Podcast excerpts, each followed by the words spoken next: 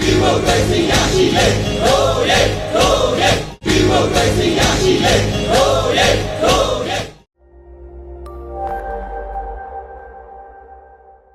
အားလုံးပဲမင်္ဂလာပါခင်ဗျာကျွန်တော်တို့အခုဗီဒီယိုလေးရဆိုရင်ဖြင့်အမျိုးသားညီညွတ်ရေးဆိုရာပညာရေးဝန်ကြီးဌာနမှတင် जा ပို့ချမဲ့အခြေခံပညာရေးကိုကျောင်းသားကျောင်းသူများသင်ယူနိုင်ဖို့အတွက်အွန်လိုင်းကနေဘယ်လိုမျိုးစည်ရင်ပေးသွင်းရမယ်ဆိုတဲ့အကြောင်းကိုအစစ်စစ်ရှင်းပြပေးသွားမှာဖြစ်ပါတယ်ခင်ဗျာပ ထမအဆုံးအနေနဲ့အတည်ပြုချင်တာကတော့စည်ရင်ပေးသွင်းရမယ့်အချက်လက်များကိုယခုဗီဒီယိုထဲမှာပြထားတဲ့အတိုင်းမှန်မှန်ကန်ကန်လှုပ်ဆောင်ပေးဖို့ဖြစ်ပါတယ်ခင်ဗျာ။ဘာဖြစ်လို့ဒီလိုမျိုးတိတိကျကျဖြစ်ဖို့လိုအပ်တာလဲဆိုတော့မှတ်ပုံတင်ထားတဲ့အချက်လက်များကိုကျွန်တော်တို့အမျိုးသားညီညွတ်ရေးဆိုရာပညာရေးဝန်ကြီးဌာနရဲ့ရှေ့ဆက်လှုပ်ဆောင်သွားမယ့်ပညာရေးလုပ်ငန်းစဉ်တွေမှာအသုံးပြုသွားမှာဖြစ်တဲ့အတွက်ကြောင့်ဖြစ်ပါတယ်ခင်ဗျာပထမအဆုံးအနေနဲ့ကျွန်တော်အခု post မှာအောက်မှာဖော်ပြထားတဲ့ link လေးကိုနှိပ်ရမှာဖြစ်ပါတယ် အဲအဲ့ဒါဆိုရင်အခုလိုပင်မအစာမျက်နှာလေးကိုကြားလာမှာဖြစ်ပါတယ်ပင်မအစာမျက်နှာလေးကြားလာပြီဆိုရင်အခြေခံပညာရေးဆိုတဲ့ခေါင်းစဉ်လေးကိုနှိပ်လိုက်ပါဒါဆိုရင်ယခုပြထားတဲ့မှတ်ပုံတင်ခြင်းစာမျက်နှာကိုရောက်ရှိသွားမှာဖြစ်ပါတယ်။အရင်ဆုံးအမည်ဆိုတဲ့အကွက်လေးမှာအိမ်တွင်းအခြေပြုတင် जा ရေးစနစ်မှာပါဝင်တက်ရောက်မဲ့ចောင်းသားចောင်းသူရဲ့အမည်ကိုမြန်မာဘာသာဖြင့်ဖြည့်သွင်းရမှာဖြစ်ပါတယ်ခင်ဗျာ။ ထို့နောက်လိန်ဆိုတဲ့အကွက်လေးမှာယောက်ျားလေးလားမိန်းကလေးလားရွေးချယ်ပေးရမှာဖြစ်ပါတယ်။အကယ်၍မဖော်ပြလိုပါကလည်းအခြားကိုရွေးချယ်လို့ရပါတယ်ခင်ဗျာ။အဲ့နောက်မှာတော့မွေးတက္ကရစ်ကိုဖြည့်သွင်းရမှာဖြစ်ပါတယ်မွေးတက္ကရစ်ဆိုတဲ့အခွက်လေးကိုနှိပ်လိုက်ရင်ခုနှစ်စီရင်ကြလာမှာဖြစ်ပြီးတော့မွေးဖွားသောခုနှစ်ကိုနှိပ်လိုက်ပါမွေးဖွားသောခုနှစ်ရွေးချယ်ပြီးပြီဆိုရင်မွေးလားနဲ့ရက်စွဲကိုထပ်မံရွေးချယ်ဖြည့်သွင်းပြီး OK နှိပ်လိုက်ပါ ပြီးတာနဲ့အဖေအမည်နဲ့အမေအမည်ဆိုတဲ့အခွက်လေးတွေမှာចောင်းသားចောင်းသူရဲ့အဖေနဲ့အမေတို့ရဲ့အမည်များကိုမြန်မာဘာသာဖြင့်ဖြည့်သွင်းပေးရမှာဖြစ်ပါတယ်။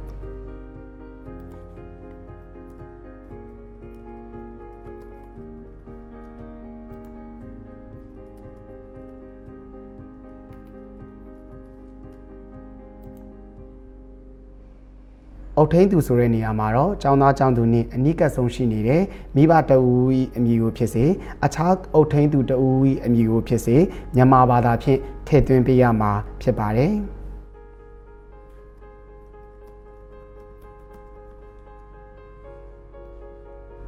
အုတ်ထင်းသူမှတ်ပုံတင်ဆိုတဲ့နေရာမှာတော့အုတ်ထင်းသူနေရာမှာဖြည့်ထားသူဤမှတ်ပုံတင်ကိုဖြည့်သွင်းရမှာဖြစ်ပါတယ်။ဥပမာမှတ်ပုံတင်ကတင့်မြင်ဆောင် မပါနာနိုင်1နှစ်3456ဆိုပါကကုန်းတမတ်ကိုရွေးချယ်ရမည့်အကွက်မှာတစ်ကိုနှိပ်ပါမျိုးနေရွေးချယ်ရမည့်အကွက်မှာမပနာကိုနှိပ်ပါအမျိုးအစားရွေးချယ်ရမည့်အကွက်မှာ9ကိုနှိပ်ပါ NRC ဆိုတဲ့အကွက်မှာ12345ဟုရိုက်ထည့်ပါ အခုလိုမှတ်ပုံတင်နံပါတ်ဖြည့်သွင်းရေးဆိုတာကလည်းနာမည်များတိုက်ဆိုင်လာခဲ့ပါကခွဲခြားဖို့ဖြစ်ပြီးတော့ဒီစာမျက်နှာမှာဖြည့်ရမယ်မှတ်ပုံတင်ဖုန်းနံပါတ်အီးမေးလ်စတဲ့အချက်လက်လုံခြုံရေးအတွက်လည်းအမျိုးသားညီညွတ်ရေးအစိုးရမှအပြေအဝတာဝန်ယူသွားမှာဖြစ်ကြောင်းလည်းအတည်ပြုပြောကြားလိုပါတယ်လက်ရှိတက်ရောက်နေတဲ့အကြောင်းကိုဖြစ်ဆွတ်တဲ့နေရာမှာတော့ကျောင်းသားကျောင်းသူနောက်ဆုံးတက်ရောက်ခဲ့တဲ့အကြောင်းကိုဖြစ်သွင်းရမှာဖြစ်ပါတယ်။ဥပမာအထာကတိပြည်မျိုးနယ်ဆိုပါကပြည်နယ်တိုင်းဒေသကြီးအကွက်မှာ ပဲခူးတိုင်းကိုရွေးပါမျိုးနယ်အကွက်မှာပြည်ကိုရွေးပါကျောင်းမျိုးစားမှာအထကကိုရွေးပါကျောင်းအမီမှာကျောင်းခွဲနံပါတ်1ကိုဖြည့်သွင်းရမှာဖြစ်ပါတယ်။ကျောင်းခွဲနံပါတ်မရှိတဲ့မြို့နယ်တွေကတော့ကျောင်းခွဲနံပါတ်ဖြည့်စရာမလိုပါဘူး။အတန်းအကွက်မှာတော့ကျောင်းသားကျောင်းသူတို့တက်ရောက်တင်ကြားမယ့်အတန်းကိုရွေးချယ်လိုက်ရုံပါပဲခင်ဗျာ။ ရှေ့မှာပြောခဲ့သလိုပါပဲနေရလိပ်စာအကွက်မှာចောင်းသားចောင်းသူလက်ရှိနေထိုင်ခဲ့တဲ့ပြည်내နဲ့တိုင်းဒေသကြီးညို့နယ်ကိုရွေးချယ်ပြီးရက်ကွက်သို့မဟုတ်ကျွေးရအုပ်စုရဲ့အမည်ကိုဖြည့်ပေးရပါမယ်ဒီမှာဆိုရင်လည်းပဲခူးတိုင်းပြည်မြို့နယ်ရွှေတကားရက်ကွက်ဆိုပါစို့ပြည်내တိုင်းဒေသကြီးမှာပဲခူးတိုင်းကိုရွေးပါမြို့နယ်မှာပြည်မြို့နယ်ကိုရွေးပါရက်ကွက်ကျေးရွာနေရာမှာရွှေတကားရက်ကွက်ဟုရိုက်ထည့်ပါ ဒါဆိုရင်နေရာလိပ်စာဖြည့်သွင်းတာပြီးပါပြီထို့နောက်ចောင်းသားចောင်းသူသို့မဟုတ်အုတ်ထင်းသူရဲ့ဖုန်းနံပါတ်တစ်လုံးသို့မဟုတ်နှလုံးကိုဖြည့်သွင်းနိုင်ပါတယ်။ email ဆိုတဲ့အကွက်မှာတော့ចောင်းသားចောင်းသူသို့မဟုတ် အုတ်ထင်းသူရဲ့ email လိပ်စာရှိပါကဖြည့်သွင်းပေးရမှာဖြစ်ပါတယ်။မရှိပါကမဖြည့်သွင်းလို့ရပေမဲ့ email account တစ်ခုရှိအောင်ဖွင့်ထားဖို့တော့တိုက်တွန်းအကြံပြုလိုပါတယ်ခင်ဗျာ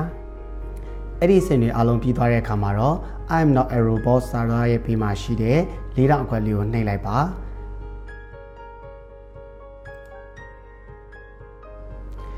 နှိပ်လိုက်တာနဲ့အခုလိုပုံချိုးကြလာမှာဖြစ်ပါတယ်အဲ့ဒီမှာတခုပြောရမှာကကြားလာမယ့်ပုံတွေကတယောက်နဲ့တယောက်တူနိုင်မှာမဟုတ်ပါဘူးမိမိမှာပေါ်လာတဲ့ခေါင်းစဉ်နဲ့ကိုက်ညီသောပုံကိုရွေးချယ်ပြီးရင်ညာဘက်တောက်ရှိ submit ဆိုတဲ့စာကိုနှိပ်လိုက်တာနဲ့ကျွန်တော်တို့ရဲ့စီရင်ပေးသွင်းခြင်းမှတ်ပုံတင်ခြင်းပြီးဆုံးသွားမှာဖြစ်ပါတယ်ခင်ဗျာ ဒီလိုမျိုးစီရင်ပေးသွင်းခြင်းမှတ်ပုံတင်ခြင်းကိုမိမိပတ်ဝန်းကျင်မှာရှိတဲ့ဖြည့်သွင်းရင်အခက်အခဲရှိသူများကိုတက်တိနားလည်သူများမှာဝိုင်းဝန်းကူညီပေးကြဖို့တိုက်တွန်းအကြံပြုလိုပါတယ်။ဒါအပြင်မရှင်းလင်းတဲ့အချက်များရှိခဲ့ရင်ကျွန်တော်တို့ရဲ့ဗီဒီယိုလေးကိုနောက်တစ်ခေါက်ပြန်ကြည့်တာမျိုးယခုဗီဒီယိုအောက်မှာမေးမြန်းတာမျိုးတွေလည်းလုပ်လို့ရပါတယ်ခင်ဗျာ။ဒီဗီဒီယိုလေးကိုကြည့်ခြင်းအပြင် online မှတ်ပုံတင်ခြင်းကိစ္စလွယ်ကူချုံးမွေ့အဆင်ပြေမယ်လို့မျှော်လင့်ပါတယ်ခင်ဗျာအားလုံးကိုကျေးဇူးတင်ပါတယ်ခင်ဗျာ။